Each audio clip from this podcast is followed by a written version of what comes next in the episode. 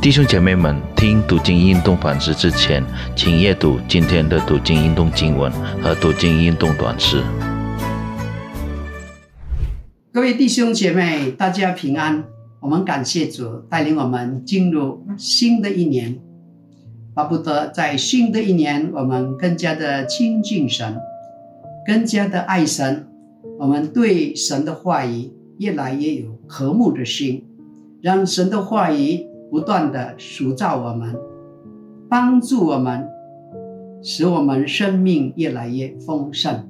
我们今天的读经运动反思的题目就是有单单的自由，取自于创世纪第二章第八到二十五节。在我们还没有思想神的话语，我们再次低头，我们进入祷告。用上帝，我们感谢你带领我们进入新的一年，巴不得在新的一年，我们更加的认识神，更加的爱神，让我们对神的话语更加有渴慕的心。求你带领，求你祝福我们。我们把这个时间全然的交托，我们这样祷告，是完全的奉靠耶稣圣名求，阿门。我们来看创世纪。第二章第八到第九节，耶和华在东方的这个以甸立了一个园子，把所造的人安置在那里。耶和华神使各样的树从地里长出来，可以悦人的原木，其上的果子好做食物。园子当中又有生命树和分别善恶的树。亲爱的弟兄姐妹，作为上帝所创造的人类，我们应当知晓该把我们的一生完全的献给他，遵循他的旨意，来荣耀他的圣名。今天的阅读经文解释几几件基本的这个事项，一项就是将第一个人类。就是亚当，然后与夏娃一起安置在伊甸园中，是为了执行上帝对自然的一个使命。这安置一方面是为了让人类有食物，园中各样树上结出的果子，除了一棵树之外，他们可以随意吃。另一方面，这安置也伴随着修理看守。的任务和一个限制，就是分别善恶树上的果子不可以吃。这命令和限制的存在，表明了人对自己本身和无权的人，必须为自己所作所为向上帝有一个交代。第二项，人类被造是为了共处。在第二章第十八节，耶和华上帝说：“那人独居不好，我又为他造一个配偶帮助他。”上面的经文解释到，人独居并不上不是上帝的原意，人类必须共处，但需与相配的配偶一起共处安居。动物不是人类的配偶。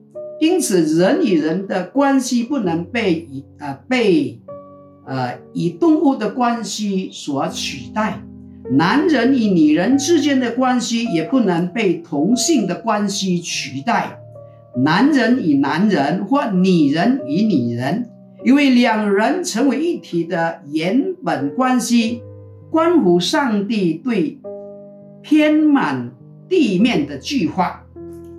从人类的历史，显明地看到人类经常要求获得自由的权利，却不愿意履行对创造主的责任。人们打着人前的幌子，宣扬男女平等和为同性婚姻被接受和斗争。请问你愿意遵循上帝所有的旨意吗？第三项。就是以甸言之约，从第八到第十七节，我们来看第十六、十七节。耶和华神吩咐那人说：“园中各样树上的果子，你都可以吃，只是耶和华，只是那知善恶树的果子，你不可吃，因为你吃的时候，你必要死。”这是神给亚当的命令，被称为以甸之约。人在这个以甸园内的责任，就是遵守神的命令，从而享受生活。有关以甸园，经文提到有四道河，就是记载第十到十四节，可见神给亚当享用的以甸园。面积非常的大，而园中一切都可以享用，唯独其中一棵树，就是至善恶树的果子，神吩咐亚当不可吃。神警告亚当，在第五章，就是违背命令的结局是死亡，不单是肉体的死亡，更是灵性上人与神。呃，分割的死亡。换句话说，在犯罪堕落前，神所造的人是永生的。我们看第四项，创造女人。我们来看第二十节，就是第二章第二十节。亚当为所有的生物起名，只是没有遇见一个和他相配的帮手，神就为男人做了。下卧，扶助他的侍奉神和守神的业，帮手不是仆人。神为男人做女人做配偶，女人的角色就是辅助和支持男人完成神已交付与他们共同的责任。神的心意是要男人。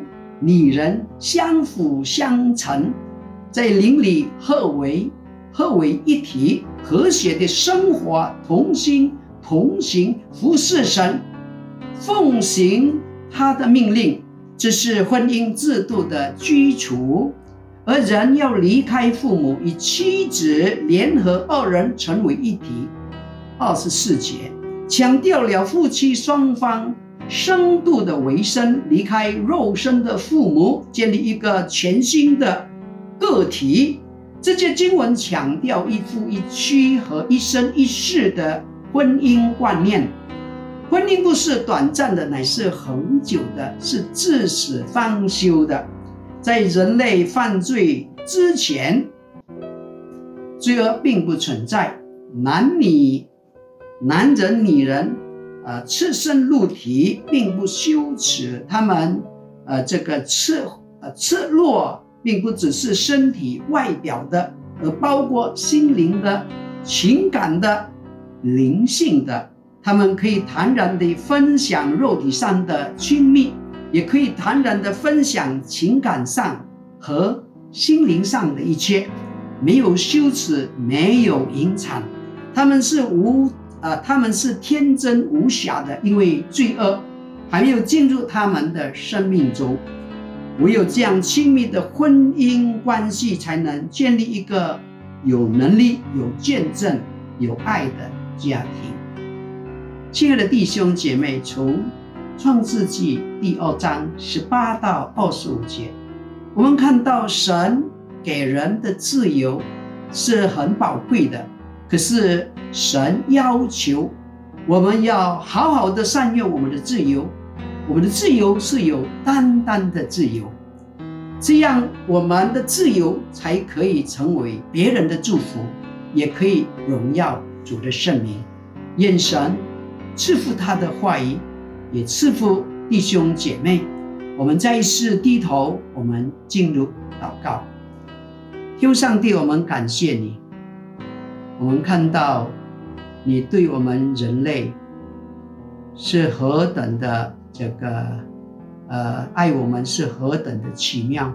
你创造我们，赐给我们自由，让我们好好使用我们的自由来呃造就他人，来成就神的旨意。来遵守神的命令，来荣耀主的圣名。可是常常我们滥用我们的自由，以至于我们得罪神、得罪人，我们不能荣耀主的圣名。主啊，求你帮助我们在新的一年，让我们好好的善用你赐给我们的自由，来造福人群。求你恩待赐福我们。谢谢主，我们这样的祷告是完全的奉靠耶稣圣名求，阿门。